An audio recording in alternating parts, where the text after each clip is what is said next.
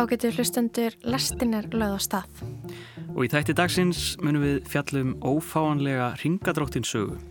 Velta fyrir okkur lista yfir bestu kvikmyndir allra tíma og heyra nýja tónlist bandarísku R&B söngkonunar Sissa.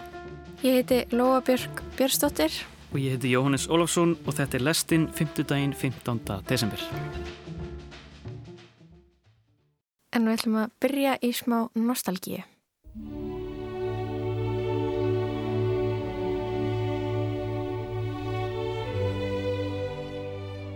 Það eru eflust margir sem að fara í huganum í litlu hobbitahóluna sína þegar þeir heyra þessa tónlist Howard Shore við kveikmyndaþríleik Peters Jackson, ringadróttinsögu sem kom út fyrir, já, um það byrj 20 árum eftir bókum Jóðar er Tolkien og það er einmitt 20 ár síðan að miðjumyndin kom út tvekja turna tal. Mm -hmm. Þetta er mjög viðeigandi svona um jólinn, það eru allir að taka ringadróttin sögu marathón, jafnvel með lengri útgáðinni og uh, sko að horfa á director's commentary eftir á sko, þá erstu búin að fullkomna jólinn um, Þetta er eiginlega jólamyndir í hugum margar Ég veit ekki alveg okkur þetta eru jólamyndir. Nei. Það er náttúrulega komið út um jól það er kannski bara eina ástæðan. Já, það getur verið. Já, en uh, allavega þetta eru sögur og sagnaheimur breskari töfundarins og fræðimannsins Jóður er tólkíðan og uh, með bara því allra þekktasta sem við þekkjum úr fantasíu bókmyndum 2000 aldar sem að síðan hefur náttúrulega tekt sig yfir aldamótin með kveikmyndum og núna sjónvastáttum uh, ef við tek bara svona smá yfirferð okay. yfir uh, Tolkien Já, söguna. Mm -hmm. uh, þetta byrjaði sem sagt allt á því að Tolkien fór að semja álvamál Já, eins og maður gerir. Já, eins og maður gerir okay. og sko ekki einu svona bara eitt heldur tvö. Og hann var með sko Já.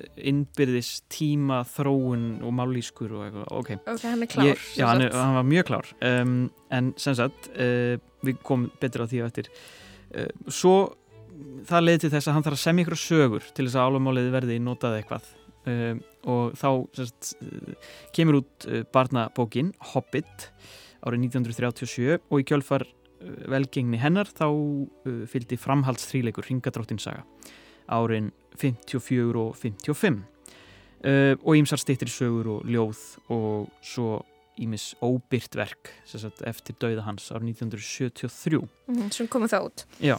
Mm -hmm. og uh, hann var auðvitað frægur málvísindamadur uh, og þekkti ennsku, kjeltnesku, latínu og íslensku, talaði vist íslensku. Eins og fræktur orðið. Já, akkurat og þannig að þráðurinn millir Íslands og, og miðgars er svona svolítið ábyrgandi en sem sagt, uh, Ringadróttinsaga á íslensku.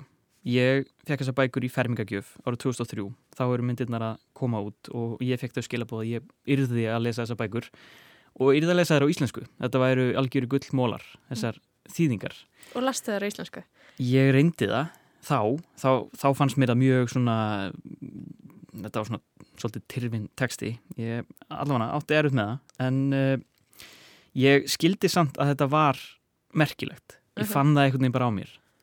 Og ég gaf þessu náttúrulega séns síðan setna og lasi þetta á ennsku og svo hef ég líka hérna, verið að lesa þetta á íslensku. Og þetta er óbúslega falleg og, og, og vönduð þýðing. En ef mér langar að gefa einhverjum þessar flottu bækur í jólagjöf þá flækjast málinn svo litið. Eiminsson Kringla, góðan dag. Já, góðan daginn. Um, daginn. Ég er að leita að bók e, sem að ég langar að gefa í jólagjöf uh, Ringadróttin saga eftir Tolkien. Á íslensku? Já. Já, gangið vel. Þetta er ekki til. Þetta er ekki til. Svíði Gleisibæk, góðan daginn. Já, góðan daginn. Egið þið uh, ringadróttin sögu, bækunar, á íslensku? Á íslensku? Nei, bara á ennsku. Já. Eymundsson Östurstræði íslenskar bækur. Já, góðan daginn. Uh, ég er að leita að íslensku þýðingun á ringadróttin sögu. Er hún alveg... Og... Alveg ófáanleg og hefur verið í, í nokkuð mörg ár.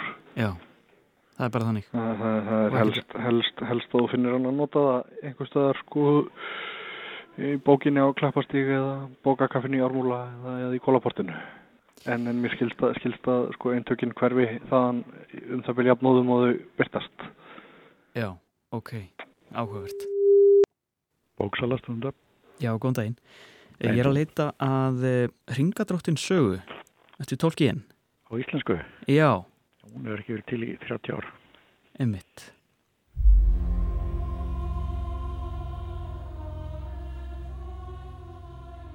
Saga Tolkien þýðingana hér á landi er fremur flókin en ef ég leifi mér að fara hratt yfir sögu fyrsta íslenska þýðingin á verkum Tolkiens leit dagsins ljós árið 1978 það voru feðgarnir Úlfur Ragnarsson og Karl Ágúst Úlsson sem þýttu The Hobbit og hún fekk einfallega nafnið Hobbit.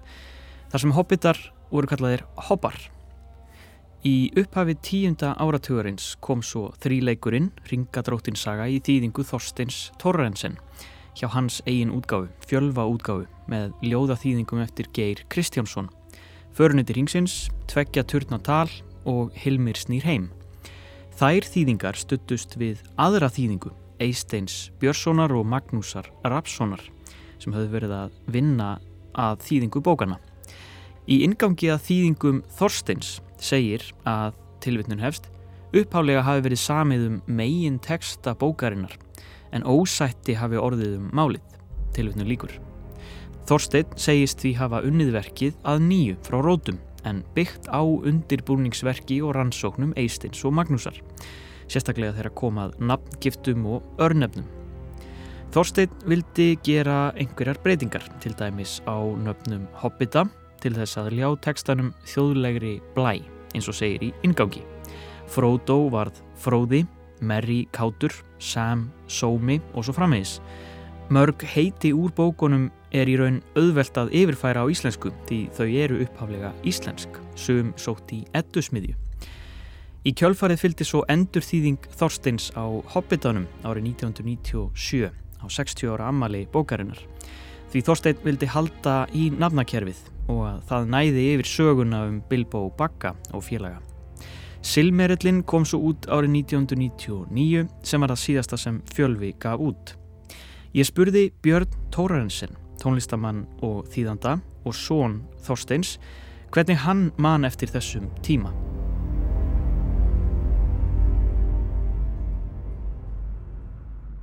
Já, það var nú uh, þannig að þetta átti svona talsræðan aðdraðanda. Fæði minn Þorstein sem þýtti þetta, eða skráður fyrir þýðingunum, það var búið að vera í mörg, mörg ár sko í, í, í svona uppsiklingu að gefa þessa bækur út og það hafði komið ymsir að því að spreita sig á að þýða þetta. Mm. Hobbitin var komin út Hobbitin hafði komið út í, í, náttúrulega í þýðingu feðgana Karls Ágústs og Úlfs mm. Ragnarssonar og það var náttúrulega talsvert fyrr held ég einhvern tíman á nýjunda áratögnum sko Já. og um, á endanum sko pappi svona sem útgefandi hann var nú náttúrulega ekki bara útgefandi hann var svona bara gerði allt í þjóla útgáfinni og þar að meðal editeraðan þú veist, alla texta og, og, og meira sem var sjálfu bara vinnað umbrót og, og svo framvegis mm. Fjölvi það var útgáfan það var fjölva útgáfan, já, já. og um, hann á endanum var með einhverja þýðingu svona til grundvallar en, en gerði þetta alveg að sínu á endanum og í, á endanum er hann skráður sem þýðandi bókana mm. það er komið þarna út bara á, á þrem árum bækurnar, þrjár og það var náttúrulega gríðan mikil vinna sem, sem fór í þetta Já. og uh, það var alltaf mjög gott að, að koma þeim út þess að þetta var örgulega búið að vera 10-15 ára ferli í gangi þannig á sem að pappi og fjölótgáðan voru með þetta í undirbúningi sko. og um, og síðan kemur Hobbitin endur, svo endur kemur Hobbitin endur útgefin um, og uh, það er þarna nokkrum árum setna og það var, það var nú gert að var þessi viðhefnar útgáfa sem var, var kom út. Út af ykkur, við líka hvort það var ammæli Hobbitans. Já, einmitt Sko- þessi sem við erum með hérna er 37 er Hobbitin kemur hann út uppalega þetta við kannski verið 60 ára ammæli. Hobbitans Mhm. mjög flott bók og, og glæslega myndskreitt af Alan Lee sem setna var nú einn af aðalmennunum í, í svona listrænu útliti bíómyndana og þetta voru mjög spennandi tímar síðan eh, í það síðasta sem kemur svona út er síðan Silmerillin sem var svona en nú kannski svona minnst ef að segja já, minnst svona spennandi sko eða hefur, hefur ekki, er ekki svona mjög söluvæn bók en, mm. en pappa fannst mjög mikilvægt að, að þetta kæmi út bara til þess að klára seríun og það stóð meira til Mm. hjá honum, hann var með ímislegt í, í uppsýlingu Mhm. en svo veikist hann sem sagt, hann mistir heilsuna þarna um aldamótin, aldamót árunum þarna 2000 og um, misti svona eiginlega starfsgetu og starfsfreg og, Já. og þá detti ég inn og fór að vinna fyrir fjölva svona til að hérna, til þess að hérna, hvað var að segja hjálpa til. Og uh, það voru bækur það eru bækur uh, eins og til dæmis einn sem heitir Unfinished Tales sem að hefur komið út og, og það var þannig sko að uh, sonur Tolkiens Kristoffer Mhm. hann vann með föðu sínum sko í útgáfunni og, og hann er sá sem gefur út til dæmis allt þetta sem kom út eftir uh, ringadólkinsu og eftir dauða föðu sinni sko. Já, Tolkien uh, deyr 1972 eða 3 eða eitthvað svona Já. og þá er Kristoffer alveg á fullu og hann til dæmis gefur út Silmerlin sem er bara byggt á einhverju svona efni sem að, sem að jóðarar Tolkien uh, skildi eftir sig já, handritum bara handritum og já, bara eitthvað Já. svona Mm. og hann smala því saman sko. Já, það eru svona í rauninni forsagan það er rauninni öll forsagan Já. sko Mhm. og um, síðan hann og eitt fróðlegt sem er gerast núna það, það var verið að gefa út nýja serju um, um ringadróttins sögu eða svona í tengslum við það sem gerist mörg hundru árum fyrir held ég Mm. 500 árum á undan ringadróttins sögu jafnvel meira, ég man það ekki en það er reyndar byggt á efni sem ekki úr svo mikið á sinnmerlinum heldur á bara efni sem byrtist í viðauka ringadróttins sögu mm. og er í sagt, lok þriðabindis ringalunnsögu, það er þessi viðauki. Og, og þeir hafa bara reynilega tekið það efni og, og, og gert úr því mjög flotta serið fyrst mér sko.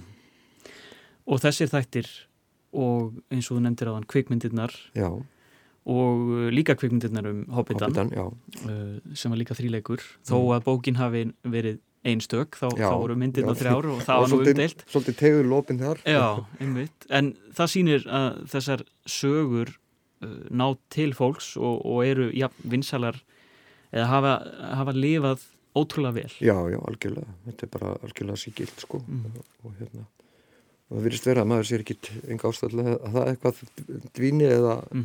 þú veist, þetta er bara mjög áhugavert og skemmtilegt og, og magn, magnaður þessi heimur sem að tólkinn byggði þarna upp sko. Magnaður heimur vissulega en ekki fáanlegur, að minnstakosti ekki út í bókabúð. Ég spurði Gunnar Theodor Eggertsson, fantasíu höfund, bókmyndafræðing og tolkien aðdáanda, hvort að hann vissi hvar þýðingarna væru.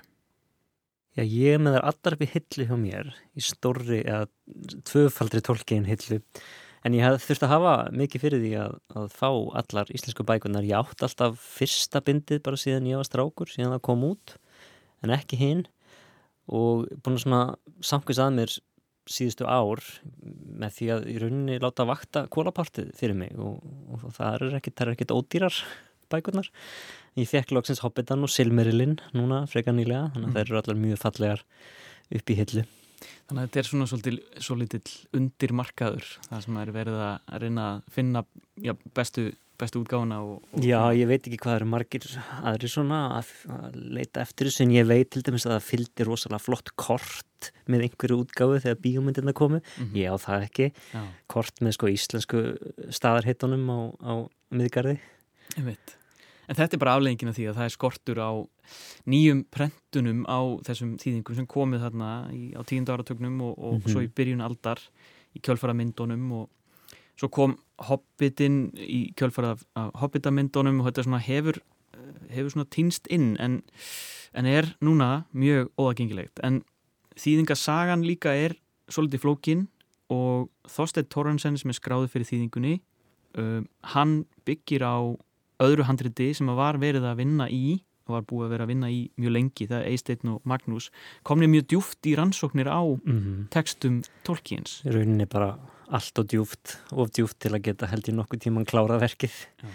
Svo saga stendur mér frekar nærri að því að ég Eisteinnar sem lést fyrir eh, stuttu var mikill fjölskylduvinur og var svona bara gestur á mínu heimil eða allir mína barnasku kom reglulega við og var alltaf að láta mig hafa bækur og bíómyndir og ól mig algjörlega upp á tolkiðan um, og ég man eftir þegar hann kom mjög stoltur með fyrsta bindið þó að það hefði náttúrulega verið svona já, erfið saga á bakvið það allt saman og þegar við svona yfirgefið það verkefni, hann og Magnús. Mhm.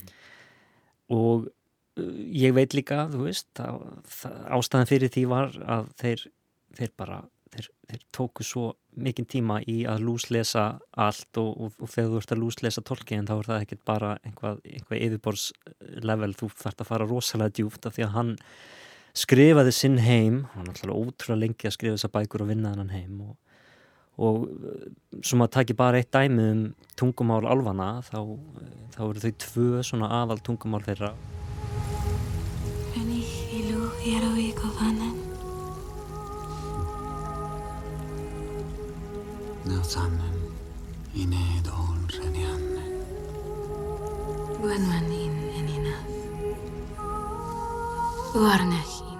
Sikeli. alvarni tala svo líka uh, þetta, þetta venjulega mál sem allir tala, sem er Mm. eins og ennskan það er alvarmáli Sindarinn og svo er alvarmáli Quenya sem er eldra og, og þau hann, eru sko þróast já, í, saman, í sem sögu heiminum þróast þessi tungumál og hann var alltaf að það þurfti alltaf að vera útskýring fyrir hverju einasta orði hjá Mm. tolkien, hvernig það einhver orði Sindarinn hafði þróast frá Quenya og kannski ólíkt eftir, eftir stöðum og það var vísun í einhvað, eitthvað örnefni eða, eða, einhvað í heiminum. Hann var náttúrulega svo mikill raunsæðis maður hvað þetta varðar sko, þetta væri algjör fantasíu heimur er að hann vildi skapa heim sem var virkaði þannig að það væri hægt að búa þar og það væri í alvörunni árþúsundar löng saga á bakvið hann.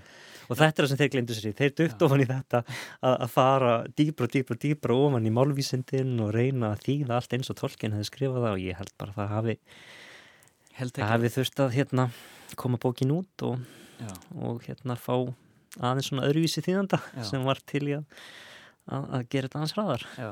Þeir eru komnir svona eh, eitthvað inn í föruniti hringsins eða klára föruniti hringsins en Já. þeir eru ekki komnir alveg alla leið hérna með Nei, ég á, ég á uh, alveg sikvað af, af skjölum frá eistinni heima það sem að mitt eru handskrifaðir þýttir kaplar úr förunitinu sem mér þykir ósalega væntum að skoða Mhm. en, en þetta á endanum urðu ja, þeir eru titlaðir fyrir nöfnunum, sérnöfnum, örnöfnum og allir svoleiðis í, í sögunni um, þó að uh, sömu hafi verið breytt og ég líka er með þessa pappýra heima sem ég langar svo að opinbera og, og, og kannski setja á netið uh, svona íslenskt orðasapn yfir öll sérnöfnum sem þið voru búin að þýða. Því ég var fyrir nokkrum árum að, að reyna að finna eitthvað, eitthvað nafn á íslensku og, og hafði samband við Eistein og, og einmitt þá fór hann að grafi upp þessa pappýra sko. já, svona íslenskan tolkien gagna banka Já, eitthvað svoleið, svona orðabók Já, sem er kannski bara nöðsynlegt Já, það var þetta, þú veist hafa uh, allar útgáfur bara saman og sína kannski mitt þessar ólíku útgáfur sem voru, voru gerðar sko. mm -hmm.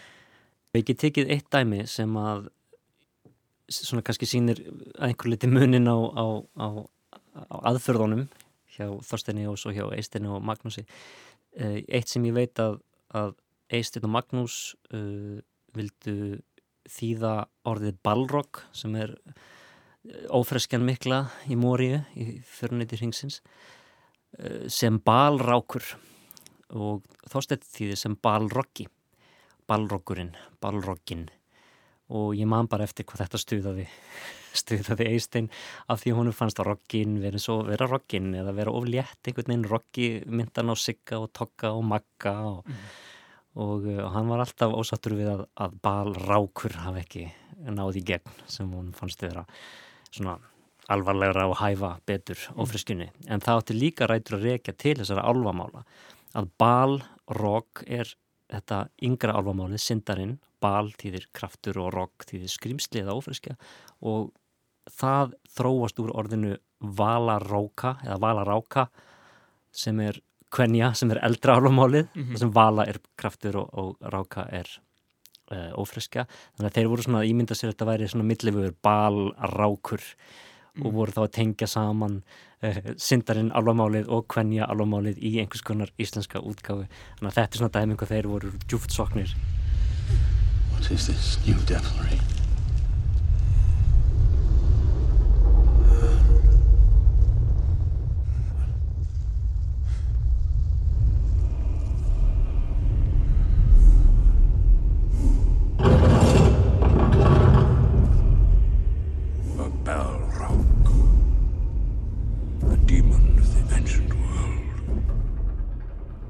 Hér heyrast drunurnar í ballráknum eða ballróknum fyrir eftir í hvern þú spyrð þegar föruneytið mætir skeppnunni í Moria.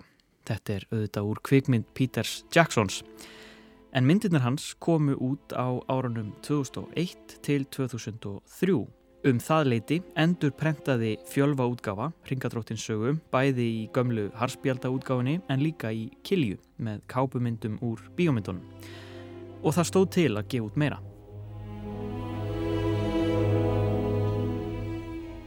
það vorum stóð síðan til og það var hluti af, því, af þessu endurútgáðuferli að við fórum að skoða að kom út þarna í kringum 2006 eða 7 kom út ný bók frá uh, frá eiginlega sem, sagt, sem var svona eins og silmerillin editeruð af Kristófer Tolkien Mm. Og he, sem heitir uh, Börn Einmitt. og er líka svona úr baksögunni Mm. og það stóð nú til að að gefa hana út en það varði ekki á því við, sem sagt, pappi, hann lest þarna 2006 og við eh, eiginlega bara seldum fyrirtækið og uh, fjölótgána uh, mjög um það leiti Mm. og það lifði í eitthvað eitt að tvö ár, ég held er að eitthvað lendi illa í runinu sko Já. þannig að það hefur ekkit orðið úr þeim plönum En s- frá, frá því að eh, þessar kilji útgáfur og, og endurbrentunin hérna á sögunum komu út eh, fyrir, já, hvað, 20 árum? 15 árum, já, já. Já. 15-20 árum 15-20 árum. Þá hefur þessi bók og þessar bækur svona, já, ekki, ekki verið jafn aðgengilegar og þeir, þar voru. Nei, bara alls ekki En þetta er allt bara svona í einhverjum, einhvers konar hnút þá. Já, hnút og hnút, ég meina þýðingarnar eru til Já. og við erum, myndum ekkert vilja frekar en þetta kæmi út og, Mm. og það hafa verið svona á síkastið svona, ja, kannski ekki alveg á síkastið fyrir svona tveim árum voru einhverja þreyfingar hjá forlagi hérna í bænum um að gefa þetta út Mhm. en það einhvern veginn samtist ekki okkar á milli um, um, um, þannig að þetta, náttúrulega þýðingin er í höfundarrétti og svona það þarf að hérna, veist, eh, já, það þarf að koma greiðslur frá útgefanda til að Ah. gefa þetta út og það Ah. hefur bara ekki gengið saman Mhm. og það voru endar tveir mismant útgefandur að skoða þetta Mm. það En, en Hobbitin, Hobbitin kom út eh, í tengslu við þá kvikmynd. já eh, það, hann kom út og það var sagt bara, það, það var sena sem að var með eh, myndina eða ég veit ekki fluttan inn að sáum að taka hana heim til Mm. Íslands bíómyndinar Mhm. og þeir fengu bara leiði til að gefa út Hobbitan og gerðu það og það hefur verið eh, þá í kringum 2010 kannski, það, ég man ekki alveg hvenar eða aðeins setna Mm, já, eitthvað svo leiðist, 2012 kannski. 2012 Já, kannski já. og þeir gáfu út Hobbitan Mhm. en við höfum svo sem ekkit um það ég veit ekki hvað varði um það, hvort það seldist allt upp eða Já. kannski er það til einhver, einhver bungi einhver staðar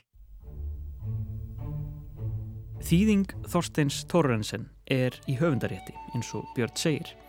Það þyrti því að kaupa réttin að henni og útgáðu réttin gagvart Tolkien, þar að segja erfingjum hans og útgáðinni Harper Collins sem heldur utanum þá stofnun.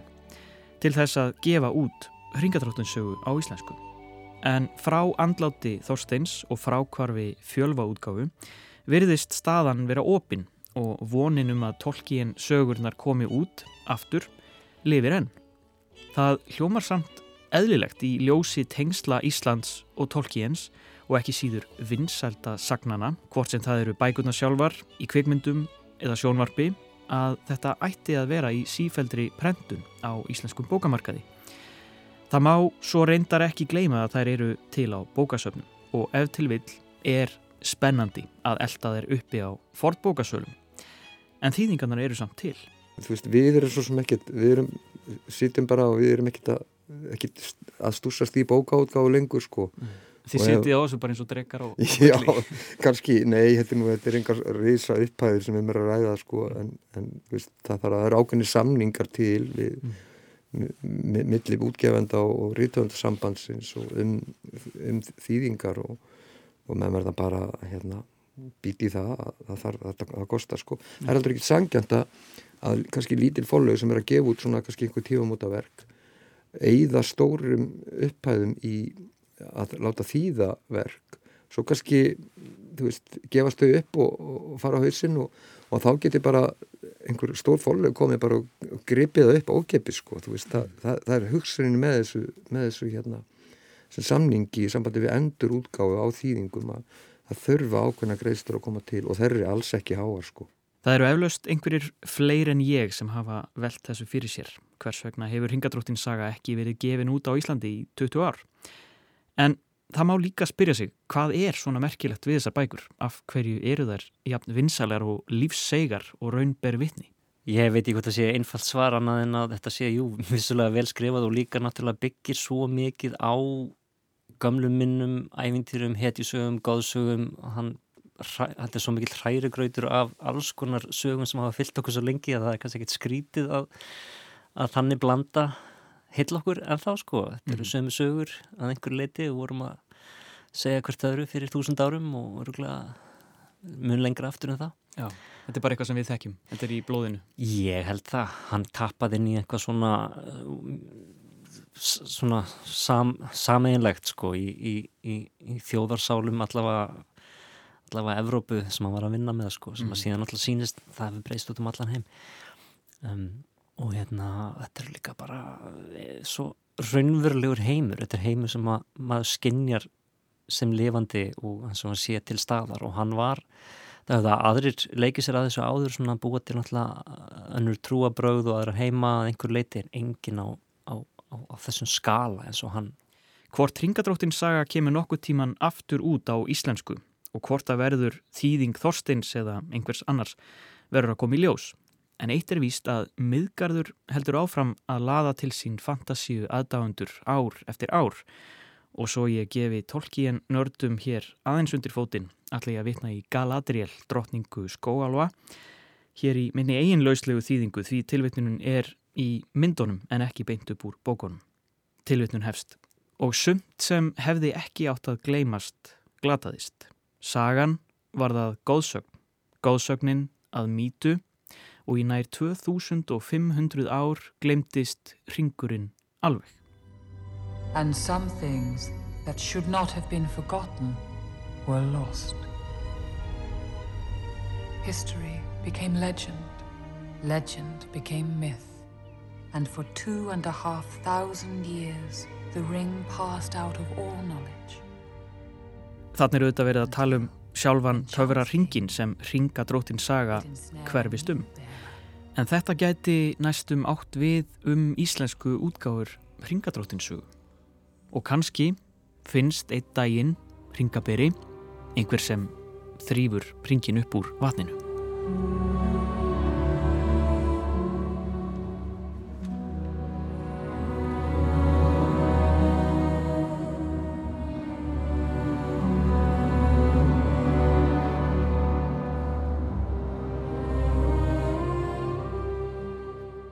Þarna rætti ég við Björn Tórensen og Gunnar Theodor Eggertsson og þeir hjálpuðu mér hérna í við leitina að þýðingum, íslensku þýðingunum á ringadróttinsugu. Já, en næst ætlum við að færa okkur yfir í kveikmyndirnar hérna í lastinni. Guðrún Elsa Bragadóttir, kveikmyndagagrínandi lestrannar, lág andvaka yfir nýjum lista. Ég svaf yfir mig að morgunni annars desember og mættu of sent í tíma hjá tannleikninu mínum. Í þau fáu augnablík sem hann var ekki með fingurna á kafi í muninum á mér, tóks mér að ræða við hann um ástæður þess að ég var sein. Ný útgefin lista yfir bestu myndir allra tíma, sjálfan listan með stóru elli, sem kemur bara út á tíu ára fresti og var til þess að ég gati ekki sopnað kvöldið áður. Það var svo margt á honum sem komur á óvart. Tannleiknirinn spurði mig hvort The Shawshank Redemption væri á þessum lista og ég reyndi að útskýra eftir bestu getu hvers vegna svo væri ekki. Þessi elskaða mynd væri bara ekki þannig, ekki af þeirri gerð sem listin hampaði og ég held að hann hafi skilið hvað ég átti við þótt orðin listaverk eða kanónu hafi ekki borið á góma. En hvaða lista er hér um að ræða, spyrjiði. Um er að ræða lista Bresku kveikmyndastofnununar, BFI, og Málgags hennar, kvikmyndatímaritsins Sight and Sound yfir bestu myndir allra tíma.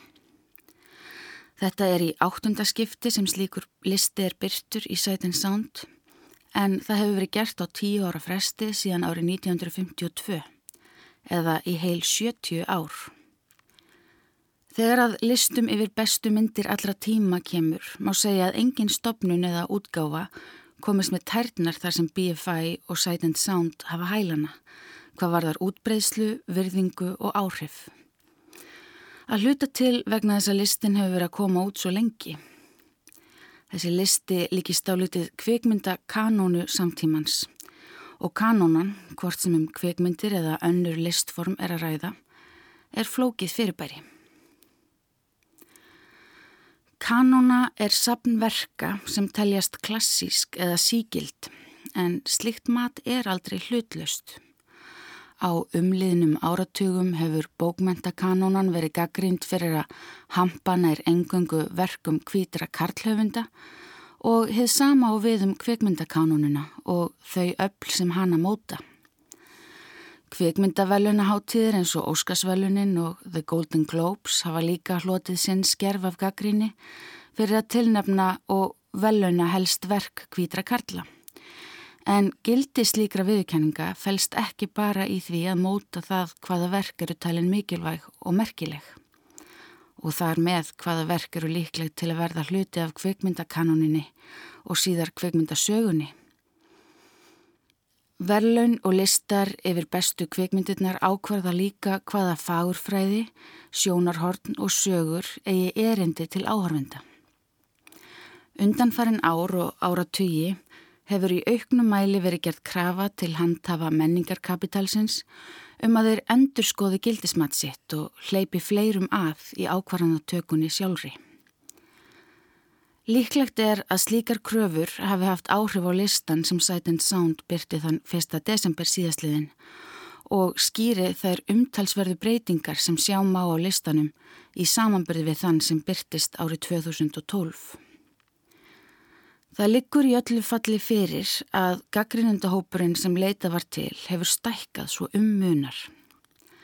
Í fyrsta sinn sem listin kom út árið 1952 kusu rúmlega 60 manns og sáfjöldi ógs áratugum saman mjög hægt, enda bara um 140 manns sem tóku þátt í listasmiðinni árið 2002. Á undanförnum 20 árum breytist svo allt. Úr 140 markfaldast talan í 850 árið 2012 og svo tvöfaldast svo tala næstum því í ár þegar leitað var til rúmlega 1600 manns. Fjadrafókið sem listin hefur vakið má helst rekja til aukins fjölbreytileika. Allar myndirnar sem fjallu út af listanum voru eftir hvita karlmenn en einungis 5 af þeim 24 myndum sem bættust við topp 100 listan eru eftir hvita karlmenn. Stæstu fréttinnar eru auðvitað þær að kvikmynd eftir konu trónir nú í fyrsta sætinu. En það er mynd belgiska leikstjórans Chantal Ackermann frá árinu 1975, Jean Dielmann. Og nú ætla ég að gera tilrun í útvarpi allra landsmanna til að fara með titilinn í heilsinni. Jean Dielmann, 23 Quai du Commerce, 1080 Bruxelles. Mynd Ackermann er einungis fjórðamyndin til að lenda í fyrsta sæti listans. Reyðhjólaþjóvarnir eftir Vittorio de Sica prýtiða fyrsta árið sem hann kom út. En Sigurganga Citizen Kane eftir Orson Welles hófst árið 1962 og stóð í 50 ár. Eða þanga til Vertigo Alfreds Hitchcock veldi henn úr sessi árið 2012. A beautiful girl haunted by the desperate, unexplainable urge to destroy herself. A man possessed by the paralyzing vertigo that made him afraid of high places. Easy now. Oh, no. Oh, no. Ah, well, it's a cinch. Here, I look up. I look down. I look up. I look... Hástökkvarar listans gefa ágæta hugmynd um breytingarnar frá árinu 2012. Mynd Spike Lee frá árinu 1989, Do the Right Thing, færðist úr 128. sætinu í 24. sæti. En það er eitt dæmið um löngununa til þess að rétta stöðu blökkamanna við á listanum. Og svo er það fjórar konur sem taka risavaksinn stökk. Meshes of the Afternoon eftir Maju Deren fór úr sæti 105 í það 16.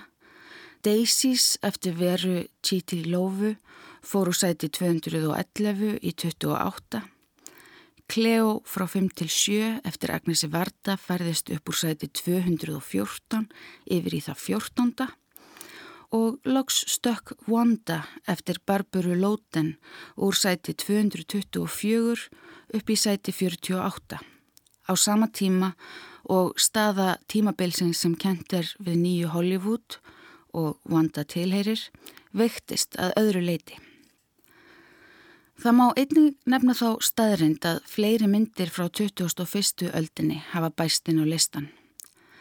Árið 2012 voru þar bara tvær, In the Mood for Love eftir Von Kar-wai og Mulholland Drive eftir David Lynch en báðar þessara mynda eru í topp tíu sætunum í ár. Nú hafa sjö bæst í hópin.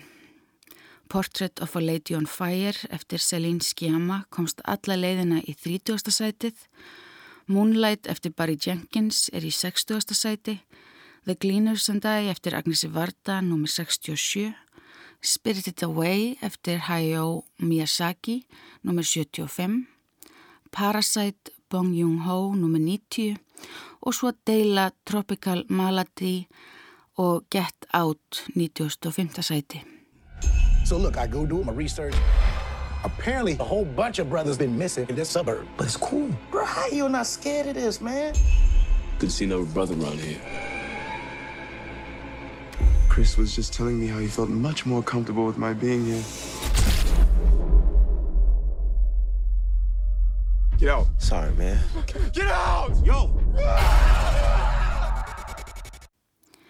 Þessar breytingar listans hafa vakið kátinu hjá sumum á meðan aðrir og þar fer bandaríski leikstjórin Paul Schrader, kannski fremstur í flokki, eru í miklu uppnámi yfir breytingunum en hann hefur kallað lista 2022 brenglað vók endurmat og pólitíst korrétta uppstokkun.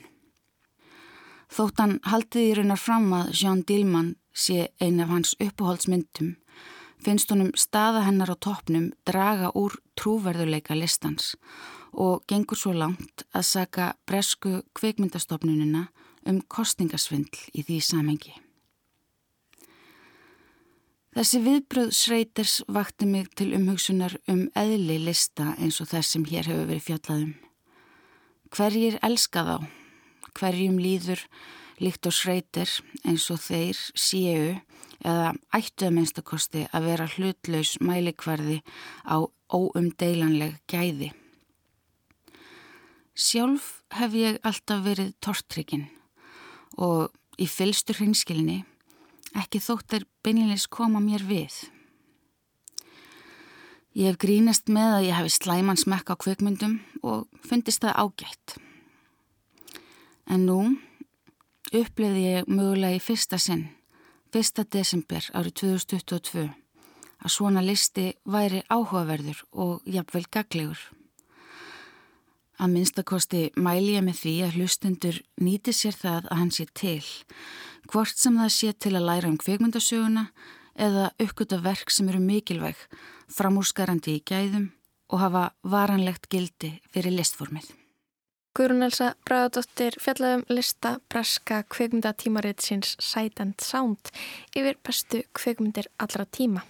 Þannig ætlum að færa okkur úr kveikmyndunum yfir í nýja tónlist.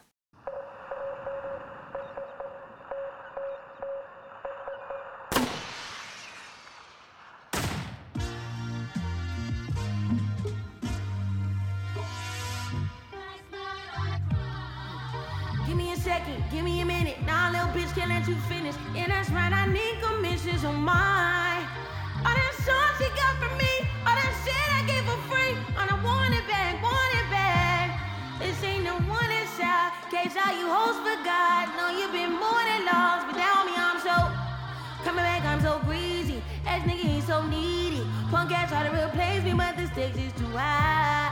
They can't survive. Off many means I'm talking pedigree. Ain't no writers, that's just me.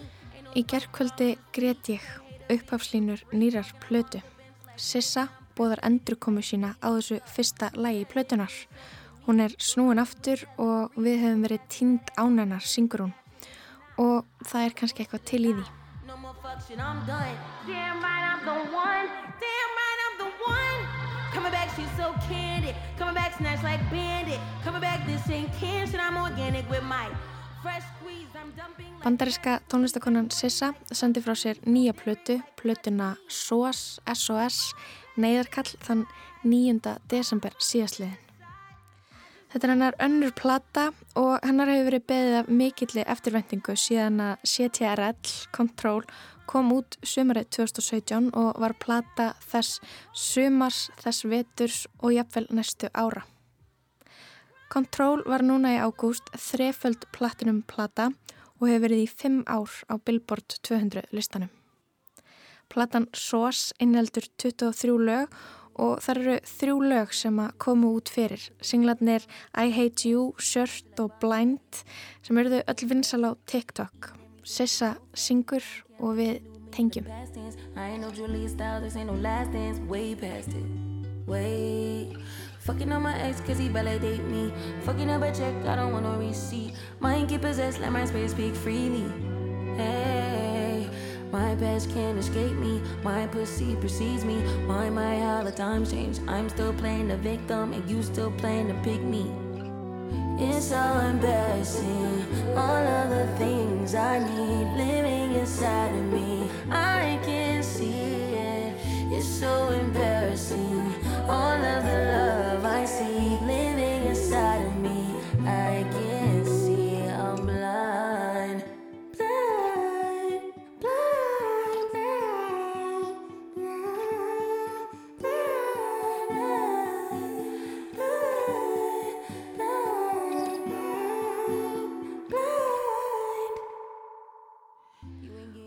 blind, blind á galla hans. Hann er ennþá að tala um börn og hún tekur ennþá plan B, það sem bandrækjaman kalla neðarpilluna. Sissa syngur til fyrirverandi og nýra elskuða. Og á plötunni er að finna frábært lag, lagið Kill Bill, annar lag plötunar. Sissa væri frekar til í að vera í fangelsi en einn, hún geti hugsað sér að myrða fyrirverandi.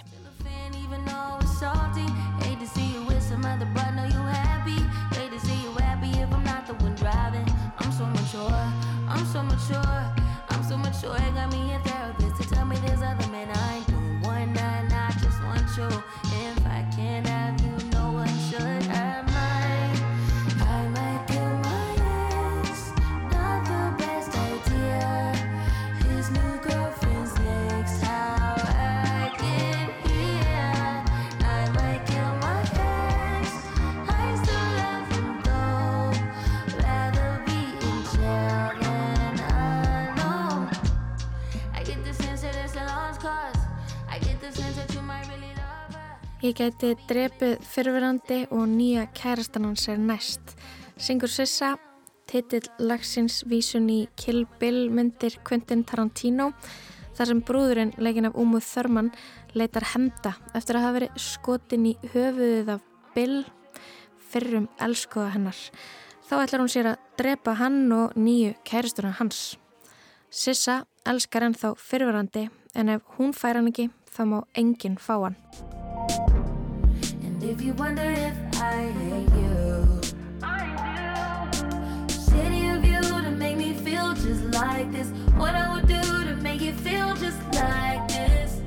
And if you wondered if I hate you, fuck you. Sissa er fætt árið 1989 og uppalinn í New Jersey.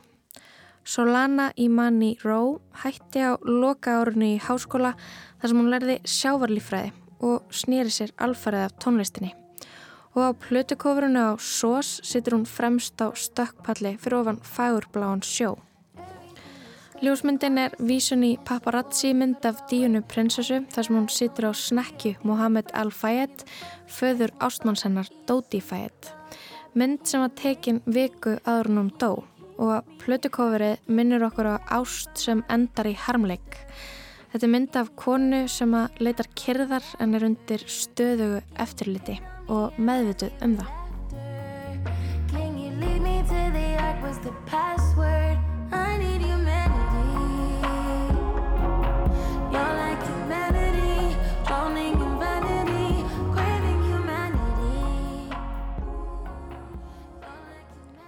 Sissa syngur um menn sem valda vonbröðum og bólfélaga sem eru ekki kærastar. Syngur um líkamsýmyndir og óryggi. Hún flakkar á millið þess að vera töffari og skvísa með stæla og nettari en allir. Og svo er hún líka leið og einmanna. Þetta eru mótsagnir sem eru sannar samtímis. En hún er alltaf einleg og persónuleg. Tekstarinnar hitta beint í hjartastað og þeir orða ósagðan flókin raunveruleika ungra kvenna. Vald elda sjálfsöröka konan sem er varnarlaus í ástinni. I don't care about consequences, I want my league back. I don't mind us watching, get to pushing your wig back. I don't mind burning bridges, love my enemies. Sissa mótar sig við alls konar tónlistastíla og á country skotna læginu F2F með pop-punk viðlægi þar sem hún fær kikk út úr því að sjá honum mistakast, hún fær kikk út úr því að missa af símtali frá honum þá snýr hún upp á texta í dreiglæginu From Time þar sem að Sinead Aiko syngur I love me enough for the both of us þá segir Sissa I hate me enough for the both of us Ég hata mig nógu mikið fyrir okkur bæði og ég sef hjá honum því ég sakna þín. I've been thinking about you,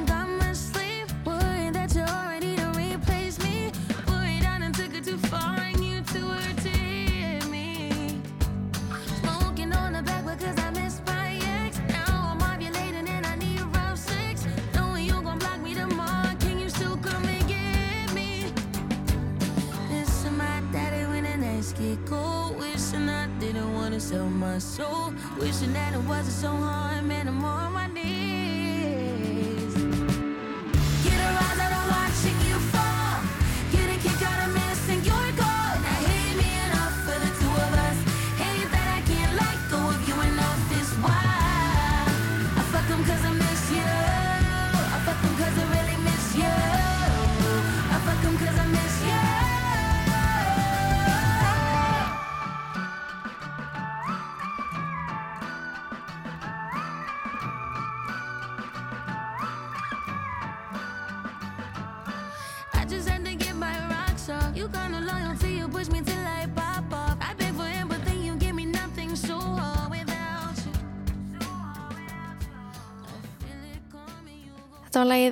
F2F af nýri plötu Sissa.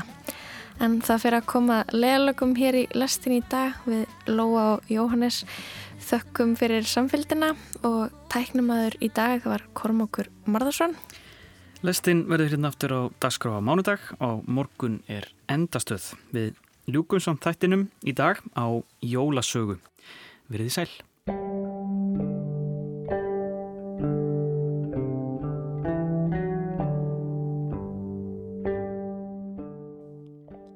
Aftanstingur, Bræðrabræður eftir Maríu Hrönn Gunnarsdóttur.